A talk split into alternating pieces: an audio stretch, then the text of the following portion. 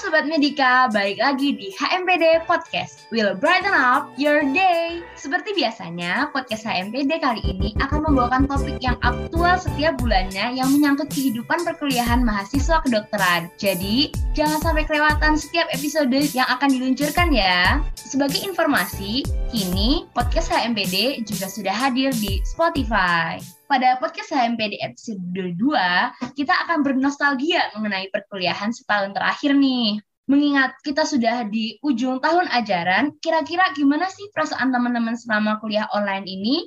Apa capek? Atau ada keluh kesah dan banyak hal yang ingin disilakan? Nah, pada kesempatan kali ini, saya, Alfi, akan saling bertukar cerita dengan dua orang narasumber yang keren abis dan pastinya asik. Siapa mereka? Ya, ini dia ada Kak Rehan dari PSK 2017 dan ada Kak Fikri dari PSK 2019. Boleh disapa Kak dari teman-teman Sobat Medika. Halo, halo. Halo Sobat Medika ya? Iya Kak. Terima kasih banyak ya Kak atas kesediaan waktunya untuk hadir di podcast AMPD pada kesempatan kali ini. Uh, bagaimana Kakak kabarnya? Apakah mentalnya masih aman atau sudah mulai ambiar? Uh, Oke, okay. Kak Rehan gimana Kak Rehan? Mental sih aman. Cuman bosen gak sih kayak di rumah terus gitu kan? Terus kayak iya. dilarang keluar, keluar kota juga nggak boleh. Ya jadi ya, ya udah gimana lagi, ditaati lah peraturan. Nah, kalau aku sih ya, ya alhamdulillah mana-mana aja sih kayak ya. masih bisa apa enjoy lah di tengah-tengah gini-gini. Wah mantap lah kalau mentalnya masih aman dan masih bisa enjoy nih ya. Nah kak kita dari HMPD Podcast nih udah nyiapin beberapa pertanyaan yang uh, banyak sih orang itu kepo-kepo gitu, pengen tahu pendapat dari kakak-kakak yang hits ini. Jadi pertama kita akan mulai dari gimana perasaan kakak-kakak kuliah selama setahun ini. Mungkin bisa dimulai dari Kak Fikri terlebih dahulu. Oke oke oke terima kasih atas pertanyaannya. Uh, buat kuliah setahun ini ya, kuliah setahun ini kalau aku rasa um, ya ada plus minusnya lah ya, nggak apa nggak melulu senang tapi ya nggak melulu sedih juga. Uh, kalau misal seputar ini, alhamdulillah aku masih bisa ngikutin. Uh, mental health juga masih oke oke aja ya.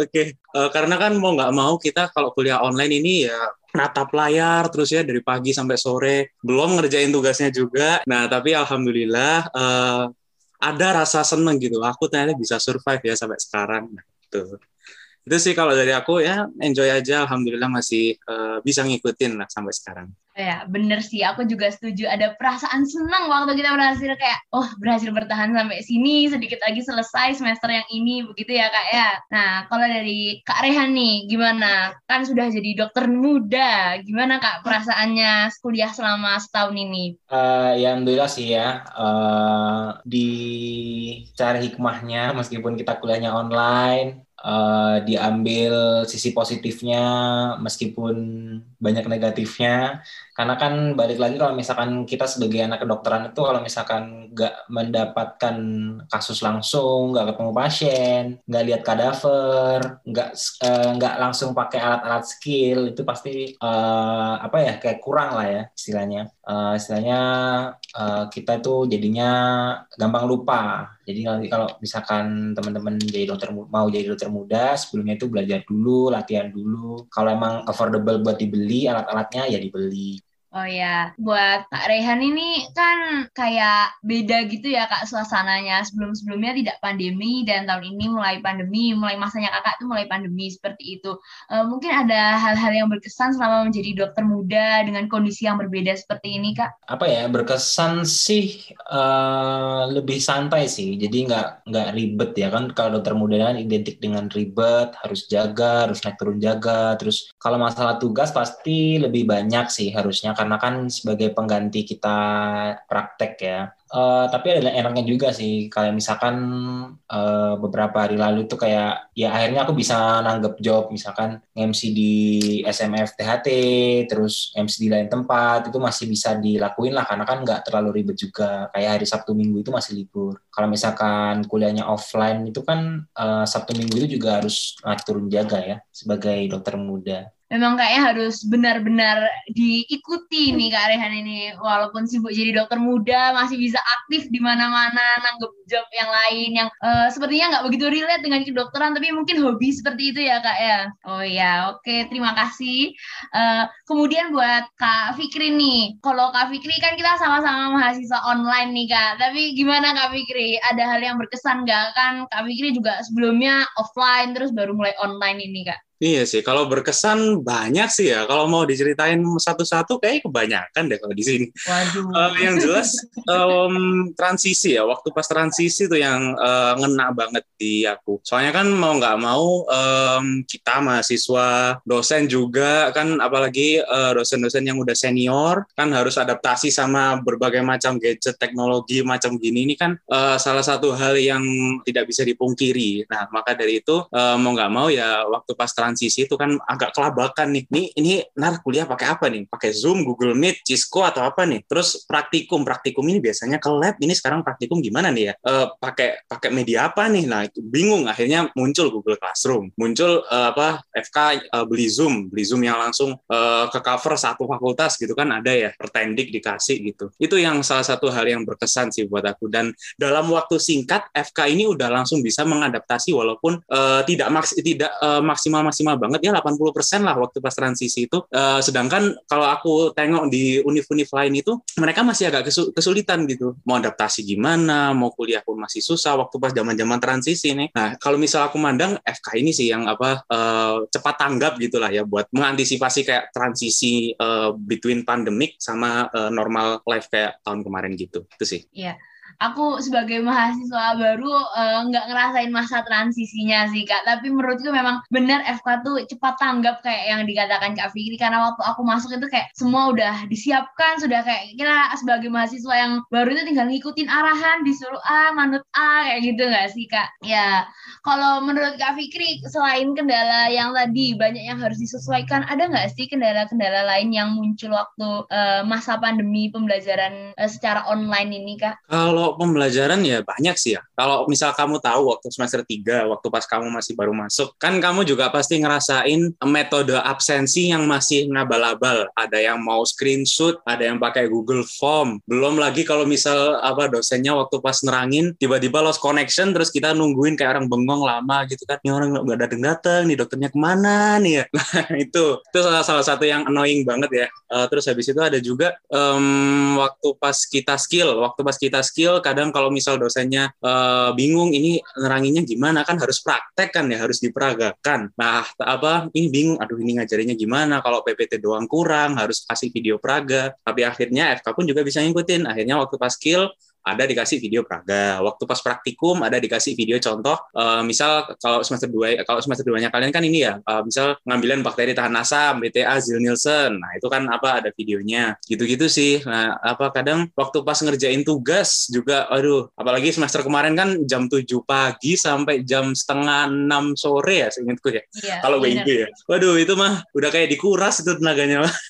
Tapi alhamdulillah masih survive-survive aja di sini ya. Itulah manfaatnya kita bisa belajar banyak dari situ. Wah, sebagai mahasiswa online banyak ya ternyata masalahnya. Ini mungkin belum semua yang disampaikan, tapi ya semoga mewakili seperti itu. Terus buat ya Raihan nih, dokter muda pasti sudah melewati tahap tugas akhir, terus uh, tahap-tahapan dokter muda. Gimana kak kendala-kendala yang ingin dicurahkan, disampaikan dan diceritakan di sini kak? Uh, tugas akhir ya. Kalau tugas akhir itu, nah sini ini ada cerita lucu sih, nggak lucu sih ya. Lucu nggak lucu ya. Jadi ya kasih tahu lah kak. kasih tahu lah.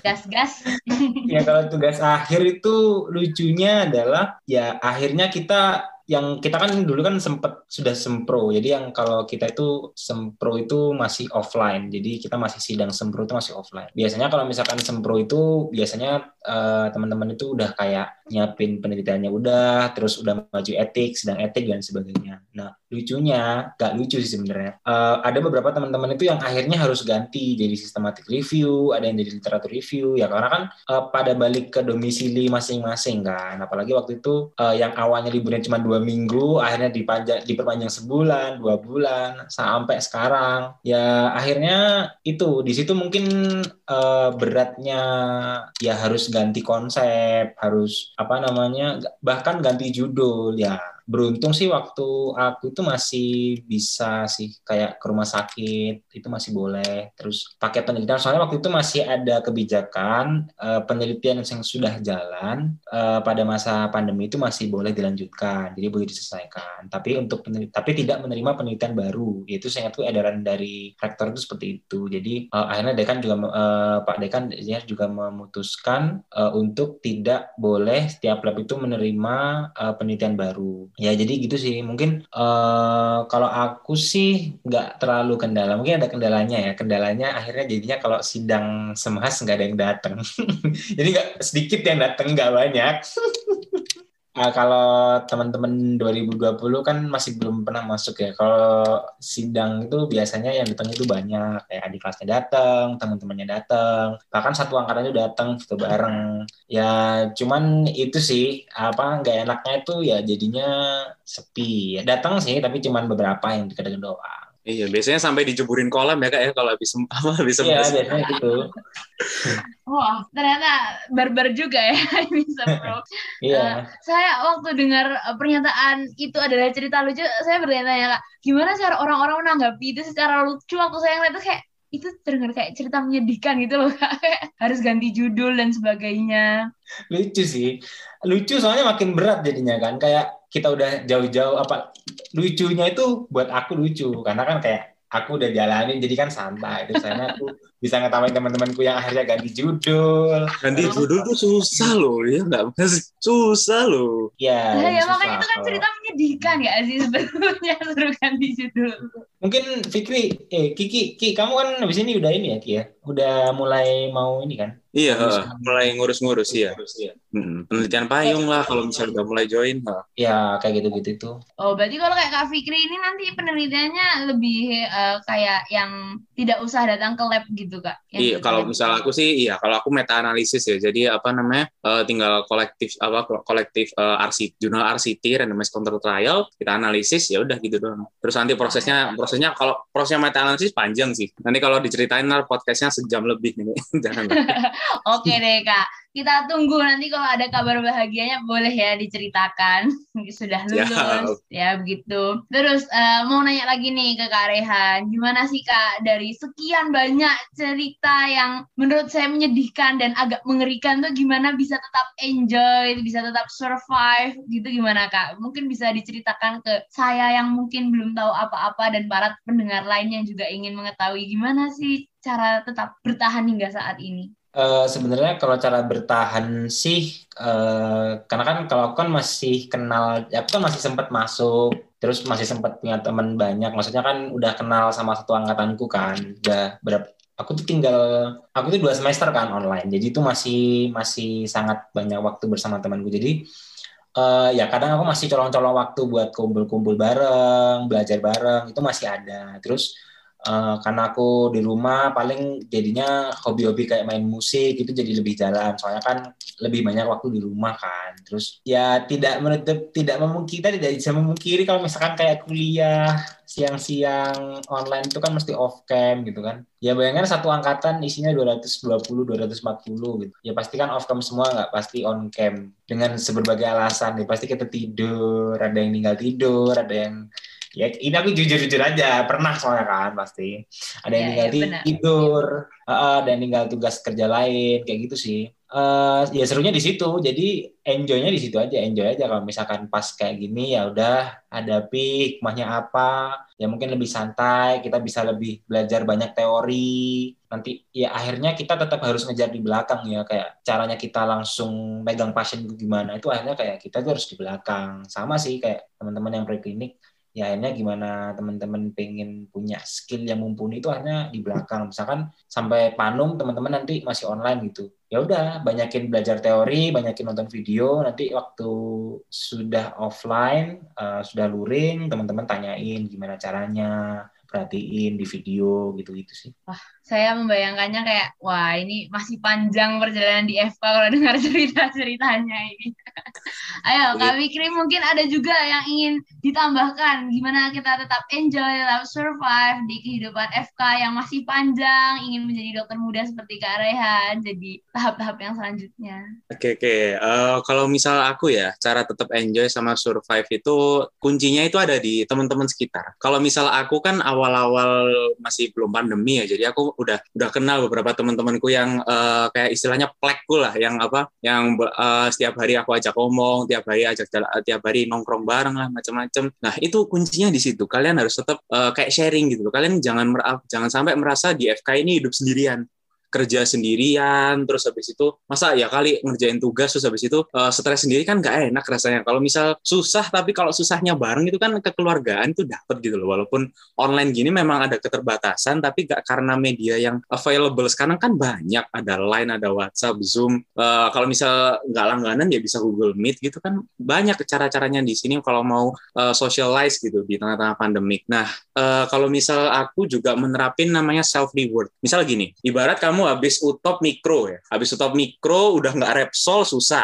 Terus tapi kamu malamnya itu udah belajar gitu loh. Malamnya udah udah apa udah kayak prepare dan setelah kamu ujian topik memang ada kayak rasanya aduh kok susah ya soalnya. Tapi usahakan kamu cari self reward. Kamu hadiahi dirimu kamu sendiri karena sudah belajar dari semalam suntuk sampai subuh gitu loh. Contoh kamu uh, kalau misal aku kalau misal aku suka masak sih ya. Jadi aku apa kadang aku apa uh, masak steak masak salmon itu biasanya biasanya kalau aku self rewardku di situ atau enggak uh, nonton film atau nonton YouTube gitu sih aku biasanya gitu Makanya itu itu sih caranya kalau misal dari aku buat enjoy dan survive itu satu temen satu hobi atau kesenangan jadi dua. Dua sih kalau aku. Oh, baik. Akan saya praktekkan nggak cara meningkatkan kolegalitas terus uh, self reward kayaknya itu memang bisa menghibur banget sih. Kalau tadi kan disindir masalah kolegalitas nih menurut Kak Fikri sendiri uh, seberapa penting kolegalitas di perkuliahan ini? Kayaknya penting banget ya Kak ya kesannya. Terus uh, kalau boleh tahu gimana Kak Fikri membangun kolegalitas? Mungkin Kak Fikri lebih cenderung ke belajar bersama atau organisasi. Mungkin bisa diceritakan ke teman-teman yang mendengarkan ini, Kak. Oke oke, aku mau kasih cerita ke sobat Medika ini ya. Oke, kalau misal aku prinsipku di hidup ya, gak usah bicara FK, prinsipku di hidup itu relasi itu penting, hubungan itu penting karena balik lagi pelajaran SD, SMP, SMA kita itu makhluk sosial, nggak bisa hidup sendiri tanpa bantuan orang lain. Maka dari itu apa eh, koneksi relasi itu memang sangat penting. Gimana cara membangunnya? Kamu harus berani memulai. Contoh, misal kamu online gini, online gini kan kamu nggak ketemu langsung sama teman-temanmu, kamu nggak ketemu langsung kayak secara live itu kan pandemik ya. Kamu misal uh, ketemunya itu waktu pas di Zoom. Lah, waktu pas di Zoom itu kamu kan tahu ini anaknya siapa, ini misal namanya apa macam-macam nih. Nah, itu coba kamu uh, mulai buat socialize. Jadi kamu misal mau tanya-tanya nih ke temenmu, misal ada satu temen namanya uh, Bambang ya, misalnya Bambang. Nih Bambang ini kayaknya uh, diajak temenan enak nih. Nah, kamu chat gitu nggak apa-apa. Kamu kamu mulai gitu, kamu mulai pertemanan. Kamu harus inisiasi. Jangan jaim, jangan malu. Itu mulai aja, tapi jangan so asik loh ya. Bedakan antara memulai pertemanan sama so asik. Itu jangan sampai kalau so asik ini waduh ini anak ini anak mah cuma cari untung doang nih. Nggak enak kalau apa dibuat, dibuat temenan gitu. Jadi misal kamu kenalan aja uh, halo Bambang, uh, aku mau tanya dong, misal uh, kamu uh, prak, apa laporan praktikum gimana? Udah kelar atau belum? Kalau misal udah, ayo. Kalau misal belum, coba sih ayo apa uh, belajar bareng. Gimana sih caranya ngerjainnya? Nah, gitu, gitu dong. Karena apa dimulai gitu loh. Namanya sosialisasi itu kalau misal nggak bisa memulai, ya kamu nggak akan punya circle pertemanan yang bagus gitu loh. Gitu sih. Berani memulai itu. Baik, sobat Medika, semuanya pasti sudah paham ya. Yang pertama adalah berani memulai dan jangan so asik. Oke. Kalau dilihat dari contohnya sih kayaknya Kak Fikri sangat pro memulai pertemanan ya, memulai hubungan, relasi kayak gitu. Nah, kalau Kak Rehan nih gimana? Kan sama-sama anak hits gitu. Pasti nggak kalah lah cara membangun relasinya. Gimana Kak? Mungkin bisa ditambahkan juga dengan gimana rasanya dokter muda dengan kolega yang baru mungkin atau seperti apa mungkin bisa diceritakan kepada sobat medika kak. Uh, mungkin ya bener sih banyak benernya ya kata-kata dari Fikri tadi. Memang kita harus berani memulai karena kalau kita tunggu-tungguan itu malah jadi awkward gitu kan. Ya gampangannya kayak kita itu kalau relasi itu kalau bisa ke atas, ke bawah itu kita kenal. Maksudnya tadi kan pasti kalau misalkan kita satu angkatan itu pasti ya uh, kita punya teman belajar itu pasti teman main itu pasti kadang kan ada teman belajar dibuat belajar enak tapi dibuat main nggak enak. Tapi ada juga yang dibuat main enak, ada teman belajar nggak enak. Jadi kalau misalkan masalah pertemanan antara angkatan itu menurutku banyak-banyaklah berteman. Jadi benar-benar luas uh, pertemanan itu benar-benar luas. Jadi nanti kalau misalkan semakin tinggi semester, terus nanti kalau udah masuk dokter muda itu akhirnya uh, teman-teman kan kelompoknya beda-beda, jadi udah kenal duluan. Kalau misalkan minta tolong itu lebih gampang dan sebagainya. Cuman uh, di sini juga penting. Contohnya Fikri nih, Fikri itu hampir hampir eh, nggak uh, banyak sih kayak uh, di kelas tuh berani ngechat cuttingnya gitu. Dan nggak banyak juga kakak tingkat itu yang santai ke bawah. Misalkan ada yang mungkin ingin dihormati, jadi lebih uh, strict dan lain sebagainya. Nah itu ya balik lagi ke kita sih. Kalau misalkan kakak tingkatnya mungkin uh, lebih santai menanggapi adik kelasnya, misalkan mau tanya-tanya ini, tanya-tanya itu, terus di reply Instagram. Kan sekarang kan lebih gampang ya, kayak uh, apa komunikasi lebih mudah lah. Kan ada Instagram, terus Line ya kayak gitu-gitu sih. Jadi usahakan bisa hubungan tuh ke atas, ke bawah, ke daerah kita juga biar harus bisa. Penting juga sih, ya Ki ya? Iyalah Mas, oh. kita kan tetap butuh satu sama lain. Apalagi koas kan pasti butuh satu sama lain. Kan? Yes, itu sih nanti uh, penting juga di koas. Jadi di koas itu kayak kita tuh penting minta tolong ajarkan ke kakak tingkat. Pun kakak tingkat juga tidak jauh uh, tidak maksudnya tidak memungkiri kita butuh ada tingkat itu loh kayak misalkan minta tolong apa namanya untuk ngecatkan dosen dan sebagainya ya kayak gitu deh pokoknya tetap harus ke atas ke bawah itu relasi itu tetap harus dekat kalau kak Rehan sama kak Fikri ini dulu awal dekatnya gimana kak ceritanya? Mungkin bisa di spill spill buat teman-teman sobat medika yang belum tahu. Gimana sih kok bisa sampai bersahabat kayak gini? Kalau aku dulu ini ya mas ya apa Ospro, iya aku kenalnya dulu Ospro. Jadi Karehan ini dulu ketua bidang satu, eh bidang tiga, kabit tiga HMPD waktu pas uh, aku uh, zaman-zaman masih maba. Nah itu aku banyak-banyak uh, ya banyak-banyak omong-omongan gitu sama Karehan. Karena kan penugasan-penugasan ya kan penugasan ya itu kalau nggak tanya Karehan atau nggak tanya ke PJ-nya gitu kan ya. Ya itu makanya dari situ kenalnya sama Karehan. Terus habis itu kena apa bercandaan banyak ya kayak sampai di DM IG lah lain lah. Aduh udah gak kehitung udah. Iya sih emang kalau Kiki ini kalau aku sih kalau aku ya Kiki ini emang yang paling maksudnya aku tuh paling kenal deket sama anak 2019 kalau 2020 kan aku nggak terlalu tahu. Soalnya kan udah lulus duluan aku udah uh, eh, DM duluan. Kalau 2019 masih kenal. Ya Kiki sih emang paling deket. Waktu itu emang gara-gara Uspro dia mau nyalon jadi ketua angkatan ya Ki ya kalau nggak salah ya. Iya sih waktu itu emang ter, tidak sengaja terjun kak ke ranah situ. Oh ya, terus akhirnya. Busuk gitu ya kak ya. Iya akhirnya tuh kayak kita tuh ngomong-ngomong terus emang kebetulan nggak ngerti kenapa aku malah nyambung aja sama ini nih ini bocah ini aku nyambung. aku yo, aku nyambung nyambung aja sama Kak Rehan. Iya akhirnya lari ke IG kan, ke IG itu maksudnya ke reply replyan gitu santai terus maksudnya anaknya tuh nggak yang kayak kadang kan adik cuttingan kan kayak takut-takut gitu kan ngechat cutting ini tuh enggak beda. Dia tuh ngechat tapi tetap batas wajar. Maksudnya dia masa sopan maksudnya ya, sopan iya tapi lebih santai lah. Jadi nyambung sama aku itu waktu itu tuh gitu. Akhirnya dekat sama Semi formal. Berarti dari ospro maka terbangunlah chemistry sampai sekarang. Wah memang Betul. banyak jalan menuju persahabatan ya kak ya. Yoi. Mungkin mau ada rencana liburan bareng ini, meet up meet up begitu? Ya apa mas? Tuh, ayo. uh, uh, uh, uh, uh, uh, gampang so diatur lah. Oh, ya masalahnya waktu aku lulus itu Kiki itu baru masuk DM setauku. iya sih. Ya, Kiki itu saya ingatku ya kalau misalkan aku lulus Kiki ini baru masuk jadi DM junior. Jadi ya yang mungkin 2018 uh, 2018 jadi DM junior. Hmm. Ya bisa jadi dokter lah ya ya. Iyalah. Ya, Gampang semoga belajar. persahabatannya langgeng ya sampai nanti-nanti dokter spesialis, subspesialis kayak gitu.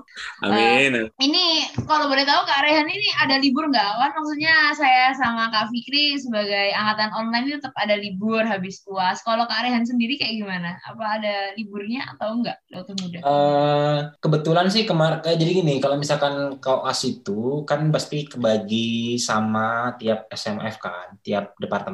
Sekarang namanya departemen atau laboratorium. Nah, itu tiap lab itu punya kebijakan masing-masing. Kayak misalkan kemarin kan eh, lebaran kan, libur lebaran. Nah, seharusnya emang kalau libur lebaran itu cuma libur sehari aja pas sholat id itu libur. Semu- terus sisanya masuk. Tapi emang ada beberapa lab yang meliburkan selama dua minggu. Itu labku kebetulan. labku Sama. sama, lab itu THT sama eh, rehab medik waktu itu. Eh, jadi sekarang yang rehab masuk rehab, yang kemarin rehab libur masuk rehab, yang aku nanti masuk ini aku masuk radiologi dulu kan. Nanti setelah radiologi baru THT karena kan THT kemarin dua minggunya libur. Eh, tapi kalau misalkan eh, setauku ya, kalau jadi koas pun itu kalau misalkan offline, kalau libur itu eh, teman-teman itu masih punya jadwal jaga setauku ya, seingatku. Soalnya waktu itu aku pernah tanya cutting itu gitu, eh, masih jaga. Bahkan di hari sholat id itu habis sholat id masih suruh jaga gitu loh, masih ada jadwal jaga. Jadi ya di situ sih. Eh, liburnya itu apa ya kalau koas itu? Ya liburnya mungkin libur jaga sih yang mereka merasa free bisa lebih santai. Sama kalau misalkan lagi stase luar itu biasanya masih bisa lah colong-colong. Oh, waktu jadi dokter muda kayak gini ada perasaan beda nggak kak? Waktu mm, uh, dapat libur kayak mungkin lebih excited gitu atau kayak ya udah sama aja kayak jalani aja. Atau mungkin liburannya diisi sesuatu yang lebih bermanfaat ya dulu. Kalau saya ya saya pribadi kayak cuma drakor sepanjang hari. Mungkin kalau Kak Rehan bakal lebih dicicil-cicil materi yang ingin di recall kayak gitu kak. Mungkin bisa diceritakan ke sobat medika juga soalnya kita kan belum pernah jadi kepo-kepo. Iya, jadi kalau misalkan kalian jadi koas ya, dan kalian deh kita ini sekarang koas itu ya otomatis kita harus nyicil. Karena kan kita udah nggak dapet pasien, ya akhirnya kita harus main di teori gitu. Eh, pun dosen-dosennya juga kebanyakan ya akhirnya ngajarkan teori, ujiannya ujian teori gitu-gitu. Nah, ya memang menurutku sih kalau sekarang ya, kalau aku pribadi ya, mau libur nggak libur itu sama aja perasaannya. Ya bedanya itu cuman kalau libur itu masih punya waktu buat liburan panjang misalkan keluar kota, keluar negeri gitu. Kalau nggak libur ya masih ada kayak tanggungan kuliah, PBL gitu-gitu. Pun lo PBL menurutku masih bisa dikerjakan misalkan di hotel masih bisa dikerjakan. Terus eh, maksudnya eh, meskipun kalian di luar kota itu kalian masih terjangkau tuh loh, masih ada fasilitas. Yang penting ada fasilitas kayak eh, kalian udah ke bawah apa ngeprint dan lain sebagainya. Ya cuman emang eh, kalau bisa kalau kuliah itu ya di tempat ya, maksudnya jangan sambil jalan ke mana, lagi di mobil ya. Menurutku itu kurang respect juga eh, ke dosen. Jangan sampailah terjadi ya kayak gitu-gitu tuh. Maksudku kalau emang pas kuliah ya kan dosen udah bener-bener excited buat memberi kuliah. Apalagi tadi kayak yang ceritain eh, Kiki dosen-dosen senior yang bingung nge-zoom itu gimana akhirnya mereka harus belajar lagi. Padahal sudah senior udah tua gitu kan ya itu kita harus menghormati juga. Ya di lain sisi ya itu tadi kita harus nyicil. Dan kalau bisa nyicil itu kayak udah dari semester di preklinik itu loh kalau bisa tuh nyicil. Kalau menurutku ya Oh. memang sih banyak eh, banyak yang bilang kalau koas itu emang kalau bisa eh, otak kita itu kosong. Jadi kosong itu dalam bukan dalam artian kosong benar-benar kita masuk nggak ngerti apa-apa. Enggak. Kosong itu maksudnya kita nyiapin space buat menerima ilmu baru. Jadi kalau misalkan ada ilmu baru kita dapat kan kita kan kalau kos kayak nggak ngerti apa-apa gitu kan. Terus dapat pasien caranya masang kateter gimana terus caranya masang apa orofaring, nasofaring itu gimana, intubasi, ya itu eh, akhirnya kita bisa nerimanya itu lebih mudah, hanya itu gitu. Tapi eh, kalau menurutku pribadi ya tetap aja kita tetap harus nyicil sih, biar kita ngerti teorinya. Wah, memang berbeda ya. Harus mencicil, mencicil, dan mencicil kalau sudah di tingkat atas. Atau mungkin harusnya sekarang cuma saya yang nggak bener aja kuliahnya. Bapak kalau semester 1, semester 2 itu masih eh, kamu coba mencari jadi diri sih di FK itu nggak apa-apa. Iya. Maksudnya kamu ya masih cari model belajarmu itu Sebagai gimana. mahasiswa semester 2, saya berterima kasih atas pemaklumannya loh ya. BTW aku juga masih nonton drakor kok, masih bisa sempet kok. Wah, asik banget. Ada yang nonton drakor juga. Yoi, mantap. Nah, Kak Fikri gimana nih Kak? Tadi udah dengar Kak Rehan, sekarang Kak Fikri apa sudah ada rencana liburan, list drakor atau mau nonton apa? Tanding Kalau bola, aku futsal? liburan ya. Kalau aku kayaknya udah early start ya. Barusan selesai ya. enggak, enggak, enggak, canda, canda. Kemarin itu cuma apa singkat doang, mumpung ada mumpung ada gap, cobalah berangkat ke Bali bentar. Terus kalau misal rencana buat ke depan, habis UAS itu kan UAS kita Juni ya, Juni awal. Itu kurang lebih kayaknya aku liburan itu kalau di rumah aku mau kebetulan aku ini suka masak ya. Jadi kalau misal aku uh, uh, ngikutin itu Gordon Ramsay yang biasanya kadang apa it's raw nah it's raw nah kan biasanya meme-nya banyak tuh. Nah itu kalau aku biasanya ngikutin resepnya resepnya macam-macam sih. Ada steak salmon itu yang masterku di situ dua itu. Cuman nanti waktu pas liburan nanti aku mau bakal coba di menu-menu Japanese ya. Kayak mau bikin sushi itu salah satu target cuman kayaknya masih susah sih nggak tahu ya nanti bakal terlaksana atau enggak terus uh, kalau misal keluar rumah keluar rumah itu ya kalau keluar negeri kayaknya nggak mungkin lah ya. Soalnya kayak terlalu riskan gitu kalau menurut kalau masih kataku itu. Ya mungkin seputar Indo aja dekat-dekat kalau misal aku kan Jombang Malang ya mungkin eh, dekat apa keluar kota itu kayak gimana ya? Bandung kali ya? Bandung kan enak tuh apa seger adem kan bisa. Terus habis itu Bukol kayaknya masih ada nih Bukol nih. Masih masih terlekat nih ya masih terlekat masih ada kok. Dekan Cup ini yang deket-deket ini terus habis itu AMSA nanti ya masih ada apa uh, proker-proker ke depannya gitu sih. Tinggal menyesuaikan aja produktifnya seperti itu sih kalau aku. Wah, dari serangkaian rencana liburan ini jujur saya agak kaget bahwa banyak orang yang tertarik memasak ya. Teman saya juga kayak mau coba resep ini, mau coba resep itu, tapi saya hanya ingin rebahan. Memang hobi orang berbeda-beda dan patut diapresiasi seperti Iya dong, itu. pasti, pasti. Ya, nah uh, kita lanjut ke Kak Fikri dulu. Uh, Kak Fikri dari sekian banyak rencana liburan nih, ada nggak Kak di tengah-tengah liburan tuh mungkin mau merencanakan pembelajaran semester selanjutnya? Kalau ada, boleh dong diceritain ke sobat-sobat Medika. Oke, siap. Blended learning ya, seingatku di podcast kemarin Dokter Diki itu. Iya, benar-benar kita udah blended learning. buat di podcast sebelumnya materi. Mm -hmm, mm -hmm. Kalau kataku blended learning, persiapanku ya, persiapanku itu uh, pasti upgrade gadget. Kenapa? Karena mau nggak mau kan kalau kuliah uh, blended learning ini kan tetap ada online-nya, tapi juga ada offline-nya. Nah, gadget ini, ya bukan gadget sih ya, kayak piranti-piranti gitulah gawai-gawai macam-macam ya kayak misal uh, beli ini loh apa kayak wifi modem yang bisa mobile gitu. Nah itu kan biasanya apa itu lebih enak sih kalau daripada ngandelin hotspotnya. Hotspotnya handphone kan agak susah. Nah kalau misal kita uh, kebetulan kalau online-nya lagi di luar yang belum tentu ada wifi-nya lebih apa kayak but apa modem yang kecil yang biasanya apa dikasih uh, SIM card ya itu kan biasanya bisa sih itu. Cuman ya pasti ada pasti ada gadget yang lebih bagus. Nah, nanti bisa bisa diatur lah bisa tinggal cari cari Terus habis itu uh, e-book, cari-cari e-book yang buat semester depan itu sih pasti apa mulai cari-cari juga. Habis itu um, nyiapin tempat tinggal di Malang ya. Soalnya kan kebetulan uh, rumahku yang di Malang itu karena pandemi agak nggak sedikit terawat ya. Terakhir aku ke sana itu rumahku AC rusak, kompor nggak bisa dinyalain ya kan nggak bisa masak di akhirnya. Tapi ya bisa ya, lah nanti. Hobinya.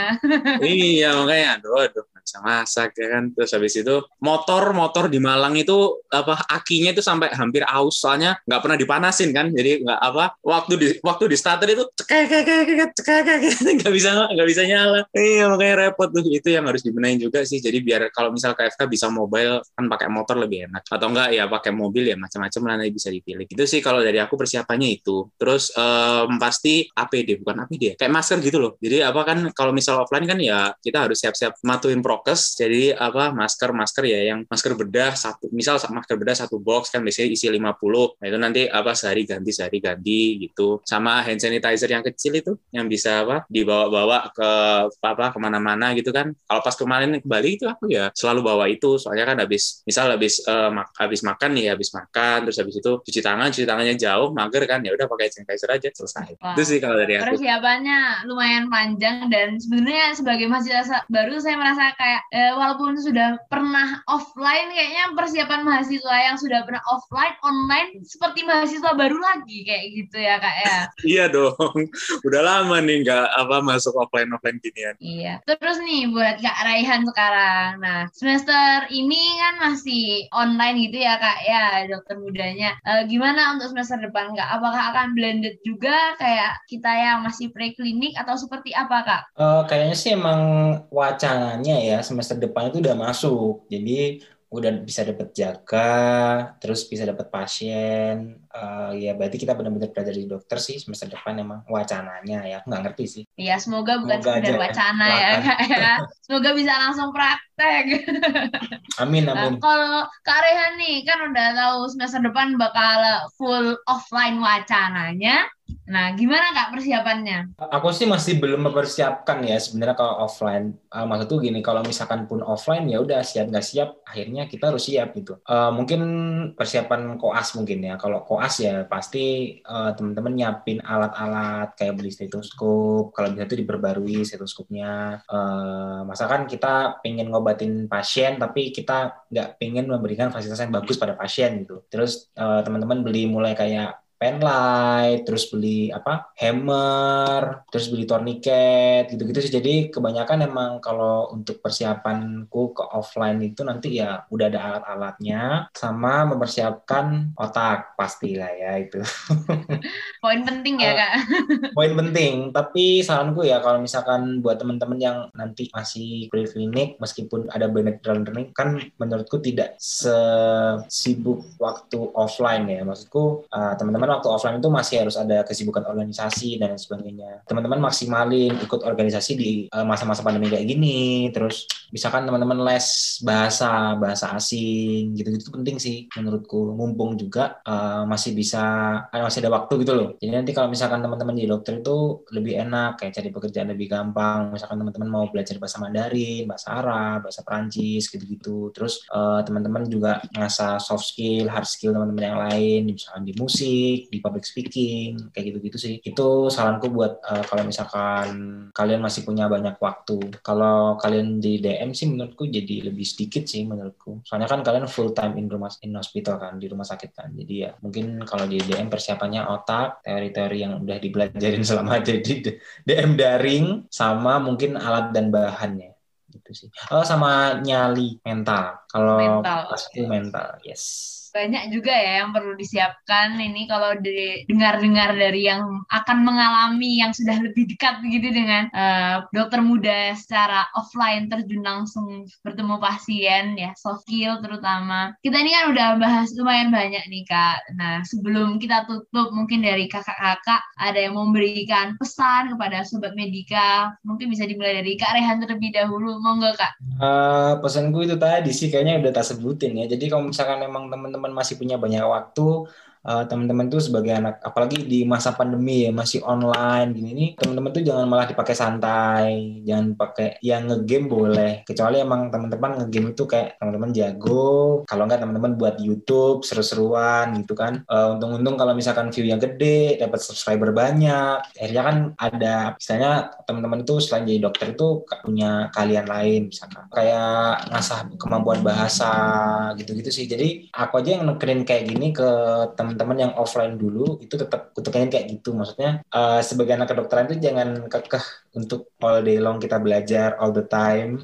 Kita di depan PPT baca buku tentang kedokteran ini itu. Ya karena teman-teman harus tahu di luar sana itu juga semuanya itu pasti juga gitu gitu loh. Kita sebagai dokter itu dokter itu banyak. Ya kita tuh pasti punya kemampuan yang sama. Karena kita ya lulus juga jadi dokter. Lulus UKM BPD ya udah jadi dokter. Tapi punya nilai plus itu nah itu yang menyebab itu yang membuat kita spesial dari dokter yang lain Mantap pesannya. Soft skill juga harus diutamakan biar kita bisa jadi dokter plus-plus gitu ya Kak. Bukan cuma bisa mengobati pasien, tapi juga punya keahlian berbahasa dan keahlian-keahlian yang lain. Nah, dari Kak Fikri, mungkin mau menambahkan pesan buat Sobat Medika. Oke, okay, uh, eh, buat Sobat Medika, you only live once, So do make it worth it, oke? Okay? Jadi wow. uh, manfaatkan waktu sebaik-baiknya karena uh, time is money uh, dan juga kita uh, harus pandai-pandai pandai-pandai mengatur waktu kita, pandai-pandai tahu mana waktu serius, mana waktu bercanda, mana waktu belajar, mana waktunya main, mana waktunya patuh sama orang tua, dan mana waktunya buat fokus di pendidikan masing-masing gitu. Karena kan kalau online kan kadang dipanggilin kan, ya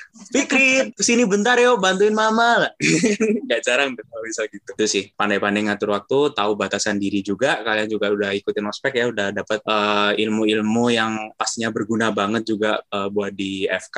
Itu yang harus kita maksimalin biar kita bisa survive di sini dan uh, gak jadi dokter yang cuma dokter ngobatin pasien, tapi dokter plus-plus yang punya uh, skill yang berlebih dan bisa bermanfaat buat masyarakat. Thank you. Oke, terima kasih Kak Fikri, Kak Rehat. Jadi buat teman-teman Sobat Medika, pesan terakhirnya itu ya, mohon diingat menjadi dokter yang plus-plus dalam artian bisa berbagai hal, memanfaatkan waktu sebaik-baiknya, kemudian uh, meng mengatur diri, jadi kita harus bisa mengontrol diri kita seperti apa dibutuhkan dalam kondisi tertentu, seperti itu ya. Terima kasih untuk Kak Rehan dan Kak Fikri sudah meluangkan waktunya walaupun sibuk. Uh, semoga nanti waktu offline kita bisa ketemu langsung, kita bisa uh, kenalan dan mungkin bisa datang lagi ke podcast HMPD seperti itu ya kak. Nah kita mau closing nih kak. Nanti kalau saya bilang HMPD podcast, nanti kita bilang bareng-bareng ya kak. Will brighten up your day. Nah begitu ya kak ya. Nah buat teman-teman sobat Medika yang sudah mendengarkan sampai akhir, kami berterima kasih banyak atas perhatiannya. HMPD podcast. Will brighten, brighten up, up your day. day.